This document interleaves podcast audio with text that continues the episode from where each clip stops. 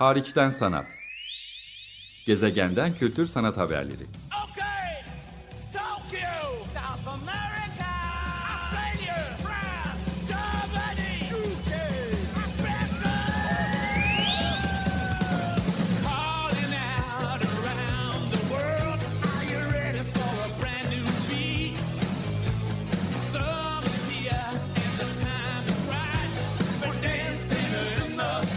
Hazırlayan ve sunan Çelenk Bafra. Zorlu Holding Sürdürülebilirlik Platformu Akıllı Hayat 2030, herkes için daha yaşanabilir bir dünya diler. Merhaba, iyi haftalar. Açık Radyo'da Hariçten Sanat programındasınız. Ee, programa korona günlerinde Açık Radyo'nun bir topluluk olarak bizim için anlamına dair bir cümleyle başlamak istiyorum. Ee, ben programcınız Çelenk. 4 yılı aşkın süredir gezegenin farklı köşelerinden kültür sanat haberlerini Açık Radyo'ya getirirken olup biteni mutlaka bir de Açık Radyo yorumuyla takip ediyorum. Açık Radyo pandemik gezegenimizde de beni gerçekliğe bağlayan ara kesit, güvendiğim sesler, duyarlı içerikler ve derinlikli tartışmalar, her zeminin kaygan, her şeyin kırılgan ve muğlak olduğu şu dönemde radyonun, açık radyonun değerini idrak etmemi sağlıyor. Çok yaşa açık radyo diyorum. E, Açık Radyo yayının 25. yılında da aksatmaksızın sürdürüyor. Aslında 25. yıl özelinde bir dizi etkinlik ve buluşma da gerçekleşecekti. Bir kısmı konuşmalar özellikle başlamıştı ama araya bildiğiniz süreçler girdiği için dijitalde de olsa çevirim içi de olsa bağlantılara devam ediyoruz.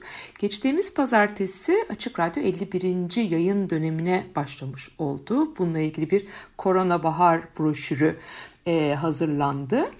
E, her yıl bir radyo şenliği yapılır.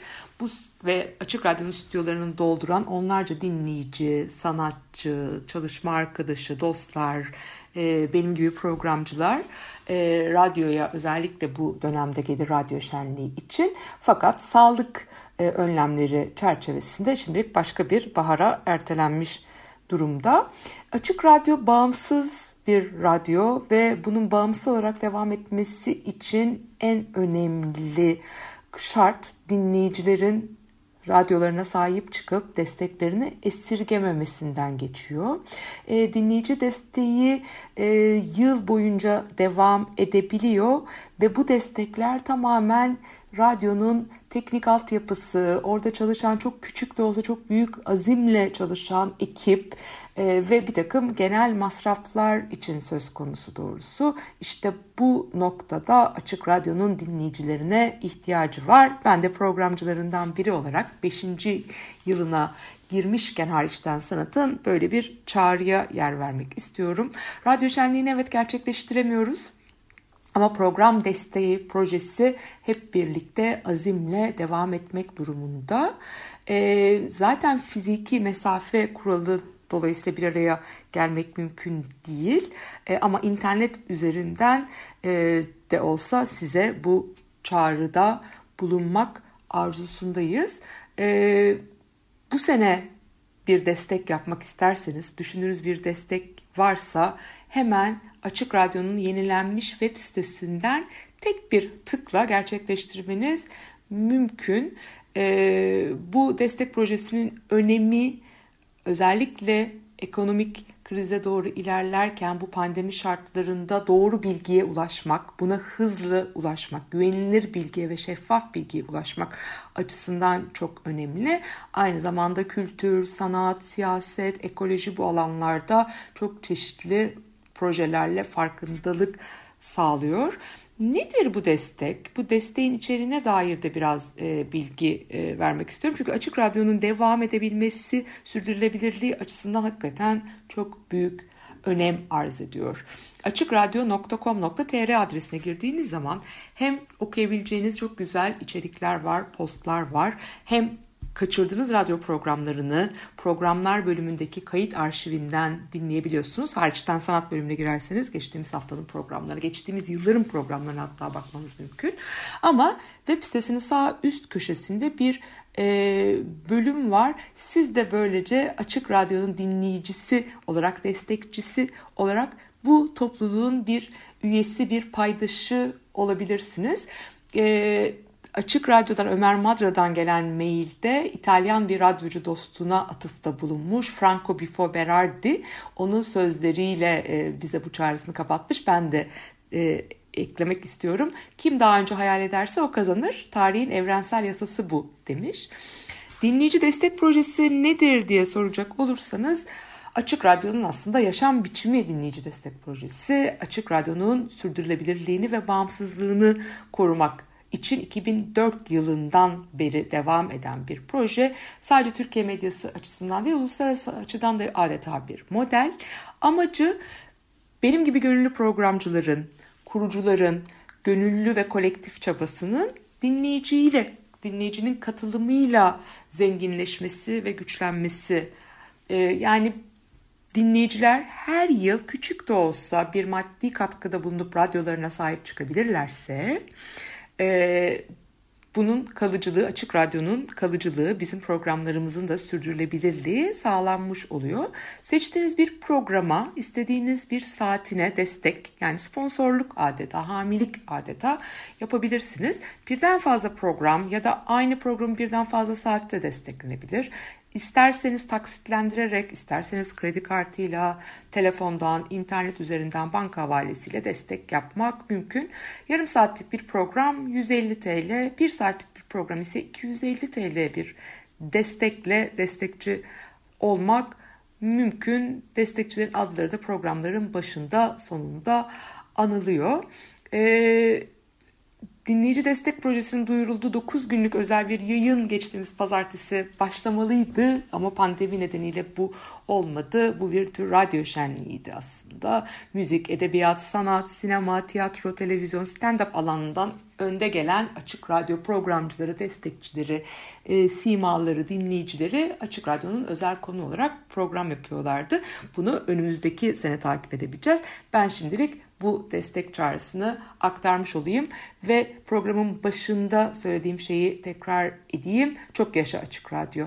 Her zeminin kaygan, her şeyin kırılgan ve muğlak olduğu şu dönemde senin değerini ben de bir dinleyici ve programcı olarak daha da çok takdir ediyorum ve teşekkür ediyorum bütün açık radyo kurucularına ve ekiplerine. E, bu haftanın programına geçmek istiyorum hariçten sanatta. Programın ikinci yarısında bir konuğum var Hong Kong'dan yaptığı bir kaydı sizinle paylaşacağım. Özge Ersoy son 3 yıldır Hong Kong'da yaşıyor. Onu İstanbul'daki çalışmalarından da hatırlayabilirsiniz şüphesiz. Örneğin hemen Taksim Meydanı'na çok yakın gümüş suyu ile Taksim Meydanı birbirine birleştiren yerde yer alan Collector Space'te uzunca bir süre Haro Cümbüşyan'la birlikte çalıştı Özge. Ee, onun bir kaydına yer vereceğim. Özge bir küratör ve sanat yazarı. 3 yıldır dediğim gibi Hong Kong'da yaşıyor. Hong Kong merkezli Asia Art Archive'ın kamu programlarını yürütüyor. Aynı zamanda 2020 Eylül'ünde açılacağı çok önceden duyurulan ama şimdi tabii ki takvimini güncellemeye çalışan dünyanın önde gelen bienallerinden e, Açık Radyo'da hariçten sanat programında da geçmiş yıllarda da yer verdiğim Kore'nin Gwangju kentinde 13.sü düzenlenen Gwangju Bienalinin kamu programlarını da Özge tasarlıyor. E, Defne Ayas'la sıklıkla işbirliği yapan bir isim. Defne'yi de birazdan size hatırlatacağım ama e, 2015'te Defne'nin küratörlüğünü yaptığı Venedik Bienali Türkiye pavyonundaki Sarkis'in Respiro sergisinde yardımcı küratörlük yapmıştı. E, Arter'de Aslı Çavuşoğlu Taşlar Konuşuyor sergisinin küratörlüğünü yapmıştı. E, 2011-2017 arasında ise biraz önce bahsettiğim Collector Space'te program yürütücülüğü yapmıştı. E, Mest.org'un bir çevrimçi yayın projesini Merve Ünsal'la birlikte yürütüyor editörleri arasında. E, yüksek lisans eğitimini de New York'taki Bard College'da Curatorial Studies, Küratöryal Çalışmalar Merkezi'nde tamamladı. Dolayısıyla bir New York bağlantısı da var.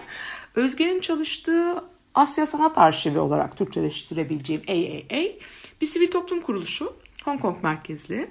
Çağdaş sanatın yakın tarihini e, belgelerle e, buluşturmaya çalışan, araştırmaya çalışan, belgelemeye çalışan bir oluşum. E, yerel sanat topluluklarının e, üyelerinin alanla ilgili bulunmak istediği materyalleri sağlıyor. Öğrenme ve kamu programları sunuyor, araştırma malzemelerine erişime açıyor e, ve birbirinden çok farklı programları özellikle ücretsiz olarak sunmasıyla ön planda bir e, oluşum. E, ve New York'ta da Yeni Delhi'de de bildiğim kadarıyla temsilcilikleri, bölümleri var. 2000 yılından beri aktif olan e, bir kuruluş. Hani bölgedeki çağdaş sanatın tarihlerini diyeyim biraz çoğul bir tarih anlayışı da var. Bunları incelemek için kuruldu ve son 20 yıldır çağdaş sanata dair onlarca bin farklı başlık altında bir kütüphane oluşturdu. Arşivleme çalışmaları ve bu arşivlere erişim çalışmaları yaptı. Kamusal projeler düzenledi. Farklı sanat kurumlarıyla işbirliği yaparak sempozyumlar, konuşmalar, atölyeler gerçekleştirdi. Ee, ve bununla ilgili şüphesiz ki e, farklı uzmanlık alanlarında başlı başına araştırma projeleri de ortaya koydu. İşte son 3 yıldır özellikle Özge Ersoy'un da katkısıyla kamusal programlara da yoğunlaşmaya başlayan bir oluşum. Ee, Özge bahsettiğim gibi sadece Hong Kong'da değil, yine yakın coğrafyada olarak tarif edebileceğim Guangzhou'da Gelecek Guangzhou Bienalinde kamusal programı üzerine çalışıyor ve Defne Ayas'ta çalıştığından bahsettim. Neden Defne Ayas özellikle vurguladığıma gelecek olursak 13. edisyonunu 2020 son sonbaharında yapacaklarını duyurdu. Guangzhou Bienali prestijli bienallerden biri. E, kamusal programı yani Özge Ersoy'un çalışmakta olduğu kamusal program e, evet Eylül ayında gerçekleşecek ama Guangzhou Bienalinin biraz ertelenmesi de söz konusu belki 2021'in başına henüz resmi bir duyuru yapmamış olmakla beraber böyle bir beklenti sahibi olabiliriz. İşte bu Bienalinin geçtiğimiz yıl duyurulan iki tane sanat yönetmeni, iki tane küratörü var. Onlardan biri Defne Ayaz, diğeri Natasha Ginwala ve e, bu iki küratör kamusal programları yönetmek için, tasarlamak için Özge Ersoy'u programa kattılar. Sanatçı listesi de kısmen duyuruldu. Guangzhou Bienalinin normalde dediğim gibi Eylül ile Kasım arasında yapılacaktı. Şimdi kamusal programı Eylül'de yapılacak. Ee, sanatçı listesinde Gözde İlkin var. Ee, ve Gözde İlkin'in yeni bir prodüksiyonla katılacağını biliyoruz. Ee, Özge Ersoy'un tasarlamakta olduğu kamusal programda ise e, Zeyno Pekünlü'nün katılımcılar arasında olduğuna dair bir duyum almış oldum. E, bugünkü programın ikinci yarısında birazdan sözü Özge Ersoy'a bırakacağım. Özge hem Hong Kong'da yaklaşık bir ay önce yaptığı ve saha üyeleri için aslında kaydettiği ama radyoda da yayınlamama izin verdiği bir mesajını e, sizlerle paylaşacak. Hem Guangzhou Bienalinin kamusal programıyla ve kavramsal çerçevesiyle ilgili kendi yorumlarını radyoya taşımış olacak ve böylece hepimiz onun bizden belki de çok uzak sandığımız bir coğrafya ile ilgili çalışmalarını göreceğiz. Guangzhou Bienali önümüzdeki süreçlerde de benim tabii ki radarımda olacak. Şimdilik başlığının Minds Rising Spirits Tuning olduğunu buradan sizlere hatırlatmış olayım. Tarihleri kesinleştiği zaman, içeriği daha da detaylandığı zaman elbette konuşuruz. Ama direniş inşası ve toplumsal travmaya uzun zamandır aşina olan Guangzhou üzerinden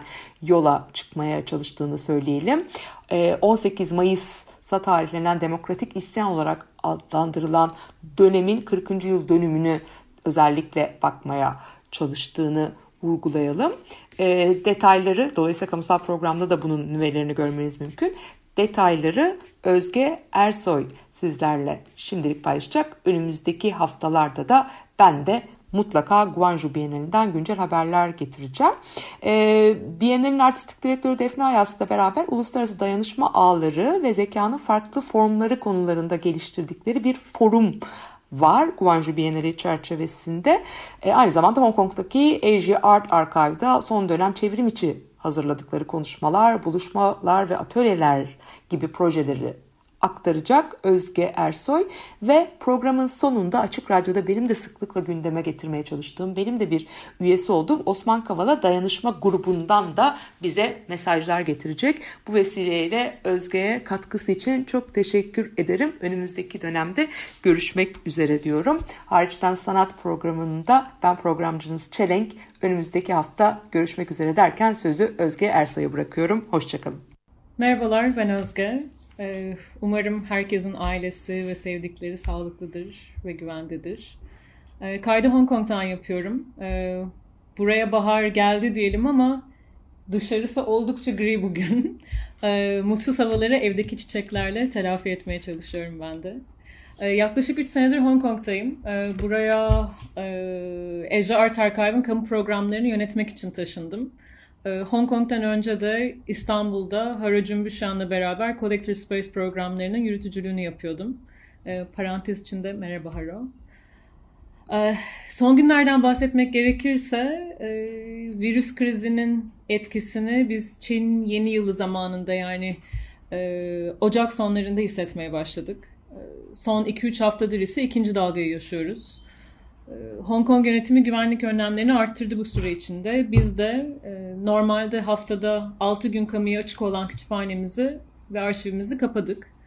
Ee, ama Ejart Archive'ın birçok faaliyeti ve sunduğu kaynaklar dijital ortamda yaşamaya devam ediyor.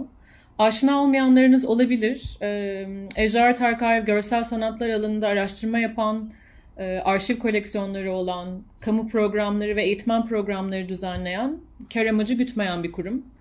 E, hatta bu sene e, 20. yıl dönümümüzü kutluyoruz. E, neyse, web sitemize girerseniz kısacası tüm arşiv koleksiyonlarımızı görebiliyorsunuz. E, bunlar genellikle Asya'daki sanatçıların ve sanat tarihçilerinin kişisel koleksiyonlarından oluşuyor. Böyle yaklaşık e, 48 bin adet belgeden bahsediyoruz. Kamu programlarımızı ise e, online ve offline olarak esnek tutmaya gayret ediyoruz diyebilirim. E, örneğin 7 Mart'ta 8 Mart Dünya Kadınlar Günü'nden hemen önce bir Wikipedia atölyesi düzenledik. Bu e, kendini kadın ve non-binary olarak tanımlayan sanatçıların, özellikle de Asya'da yaşayan sanatçıların Wikipedia sayfalarını açtığımız ya da geliştirdiğimiz bir atölye bu. E, M Plus Müzesi ile birlikte organize ediyoruz ve 2018 senesinde bu işbirliğine başladık. Ta en başından beri e, Art Plus Feminism diye uluslararası bir ağın parçasıyız. Bu Mart'taki atölyede üçüncü Art Plus Feminism atölyemizdi. Bu son üç atölyede katılımcılarımız Türkiye'den sanatçılar üzerine de çalıştılar. Örneğin Nancy Atakan'ın, e, Banu Cennetoğlu'nun, İpek Düben'in, Ayşe Erkmen'in ve Halit Enger'in İngilizce Wikipedia sayfalarını beraber açtık. Önümüzdeki aylar için ise e, online ve offline programlar düzenlemeye gayret edeceğiz. Life Lessons ya da Hayat Dersleri isimli yeni bir seri üzerine çalışıyoruz. E, bu seride kişisel arşivleri üzerine çalıştığımız 60'lardan 70'lerden beri aktif olarak çalışan sanatçılara şu soruyu soracağız. Ee, sizi en çok etkileyen, sanata ve eğitime bakışınızı değiştiren ders nedir? Ee, bu okuldayken hocalarından aldıkları bir ders olabilir, çocuklarından aldıkları bir ders olabilir ya da sosyal bir hareket olabilir.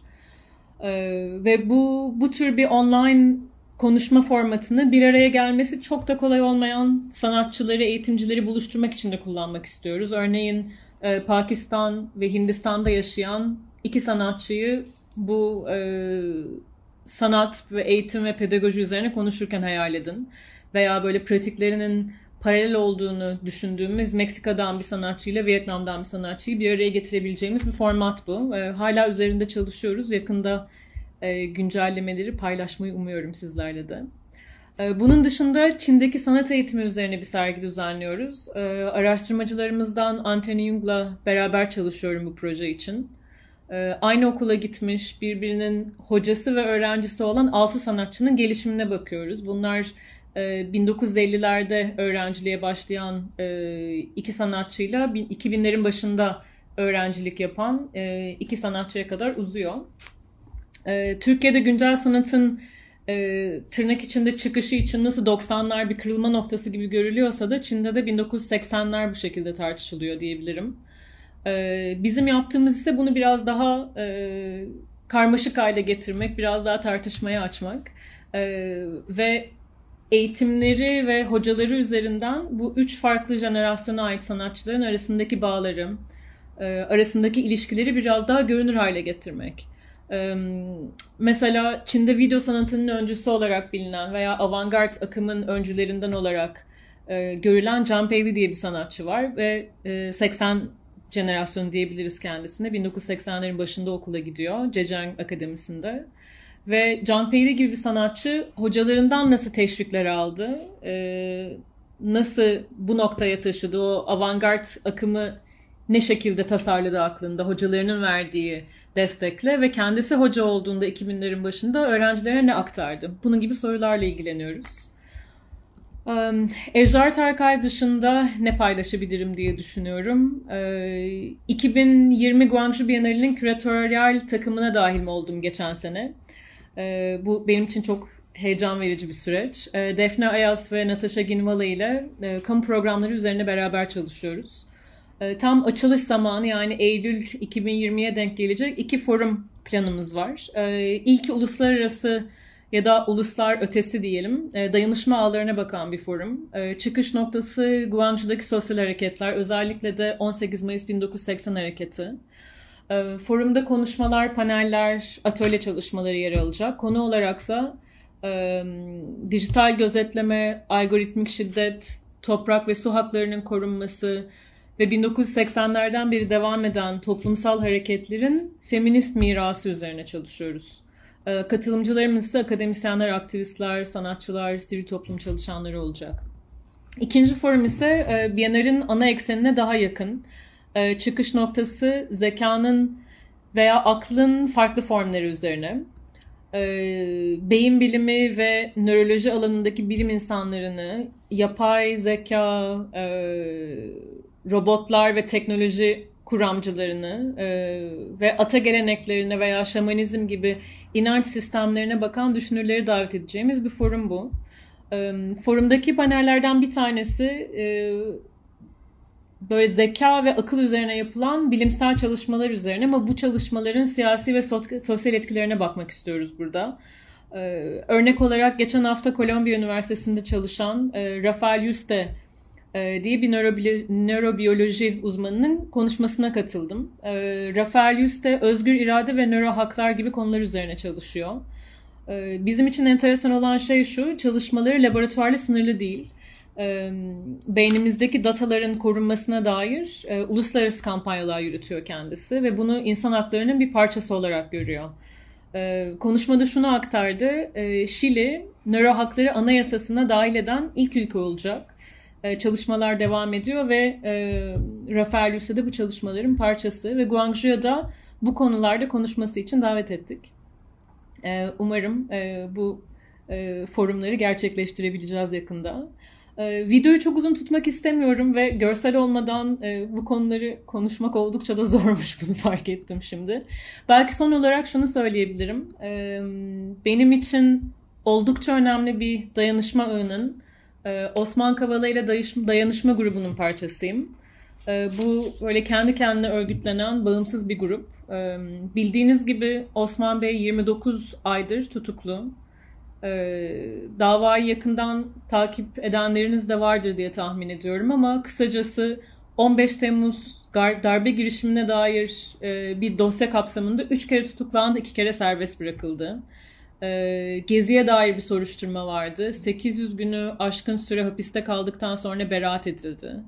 Ee, beraat edildikten hemen sonra 15 Temmuz'a dair soruşturmayla ilgili olarak tekrar tutuklandı. Ee, önümüzdeki günlerde ise 15 e, Temmuz'a e, değil Gezi davası için pardon e, verilen beraat kararı istinafa gidecek. Hani bu dönemde bu hukuk sisteminin nasıl manipüle edildiğini tartışmak ve Osman Bey'in hakikaten neler yaptığını, e, benim okul olarak gördüğüm birçok sanat ve kültür kurumunun e, ve birçok sivil toplum kuruluşunun kurulmasında, yönetiminde nasıl bir rol oynadığını anlatmak, e, bunu daha geniş gruplarla, topluluklarla paylaşmak boynumuzun borcu diye düşünüyorum. E, bu dayanışma grubu da her hafta toplanıyor. E, basınla ilişkiler, kurumlarla ilişkiler, görsel tasarım gibi konularda çalışmalarını paylaşıyor. E, özellikle kültür ve sanat alanındaki tüm bireylerin, e, tüm kurumların ellerinden geldiği kadar bu davanın tartışılmasına katkıda bulunması gerektiğini düşünüyorum. E, bugünlerde özellikle yani dayanışma nedir sorusunu e, bu virüs krizi üzerinden sorduğumuz bugünlerde benim aklımdaki en önemli sorulardan bir tanesi bu. Özellikle kurumların sürdürülebilirlik dertleri var, tepki çekmek istemiyorlar, siyasi dava oldukları için seslerini çok fazla duyurmak istemiyorlar ancak bu noktadan sonra susamayız dediğimiz eşikler nedir? Kırmızı çizgiler nedir? Bunları tartışmanın aciliyetinin ortada olduğunu düşünüyorum. Hele de işbirliği yaptığımız, beraber çalıştığımız bir kişinin özgürlüğü söz konusuysa. Galiba burada bitireceğim. Son olarak şunu paylaşmak istedim sizinle. Bugünlerde çocuk kitaplarına dönüş yapıyorum ve Carson Ellis'in Du Istak kitabı bunlardan bir tanesi. Ee, böyle mevsimlerin değişmesi, e, ölüm, yaşam gibi çok büyük konuları ele alan bir kitap bu. Ee, ve kendine koza örmeden önce e, hoşça kal diyen bir tırtıl var ve onunla bitirmek istiyorum. Umarım görebilirsiniz. Hoşça kalın. Hariçten sanat. Gezegenden kültür sanat haberleri. Okay, Tokyo, South America,